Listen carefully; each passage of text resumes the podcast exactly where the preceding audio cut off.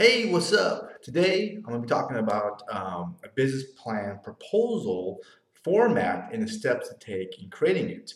Um, now, before I begin, uh, down below there's a link in the description. If you click on it, uh, you can discover tools and special methods that can easily triple your affiliate sales, okay, when it comes to marketing online.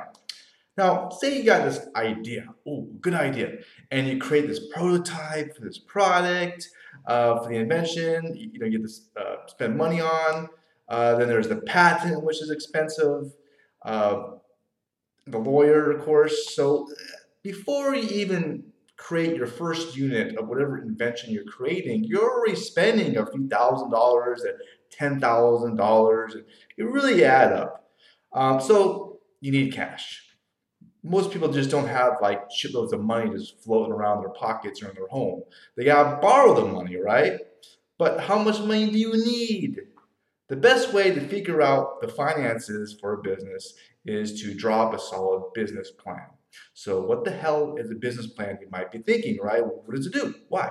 Well, a business plan is a multi page document uh, that should explain to an investor or a stranger who has no prior knowledge of what the hell you're doing, what business you're in, uh, exactly what your product or service is, um, how where you're going to make it, uh, how you're going to sell it, your assessment of the competition, why yours is better, how much money you're going to need to start it and run it in the near and long term. It's a great idea, right? A business plan. And in fact, I've been thinking more about this in my own life too. Create like a some plan and business plan for my just my life in general would be a good idea.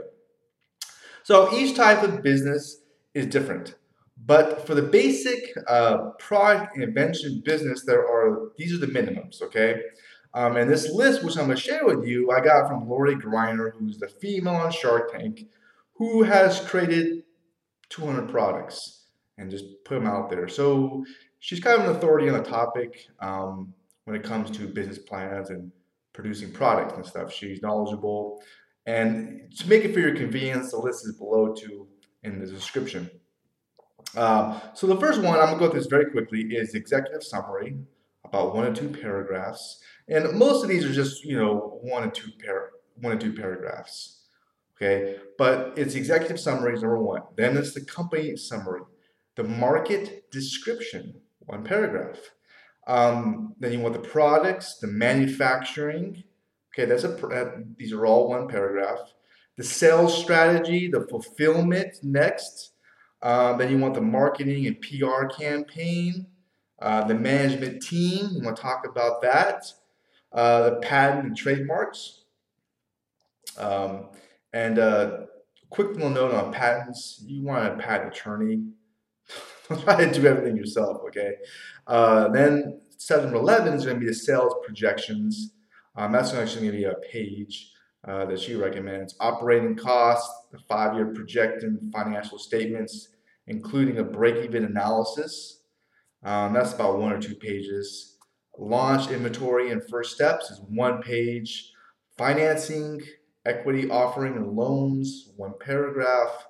And lastly is an investment opportunity, which is one paragraph. Um, so after reading your business plan, investors, you know, don't have to be convinced to invest or not. Okay, that's not the point. Uh, they should understand the concepts and be informed enough about the key issues and assumptions that they can go out and research the parts they are concerned about on their own and kind of come to their own conclusions. Uh, to back, you know, come back to you for any, you know, questions or answers, anything like that as well too. So once you have your business plan, um, what Lori suggests is, you know, don't just forget about it, but bring it out often, um, even if you're the only person, because it can help you realize you missed deadlines and you've overspent, and just kind of keep you on track, um, according to her. So, um, all right. I hope you got some value from this video, this audio, which kind of give you a, a, basic example of what a business plan is, why it's needed, and the steps that it, it that you should take. Okay, and to make it kind of simple, you can kind of look down below and it gets it's written down. Okay. Um, if you are interested in making any money online, whether it be affiliate marketing or e-commerce, Uh, there's some really cool tricks um, and special methods that can really help you put a lot more money in your pocket, okay? Uh, ladies and gentlemen, uh, so click that link below. It's going, to, it's going to be very, very helpful to you. I highly stand by it. And if you did, I hope you got some value from this video. If you did, please hit the thumbs up button. I really would appreciate that, okay? Um, I do wish you the best. Have an awesome rest of your day, and uh, bye for now.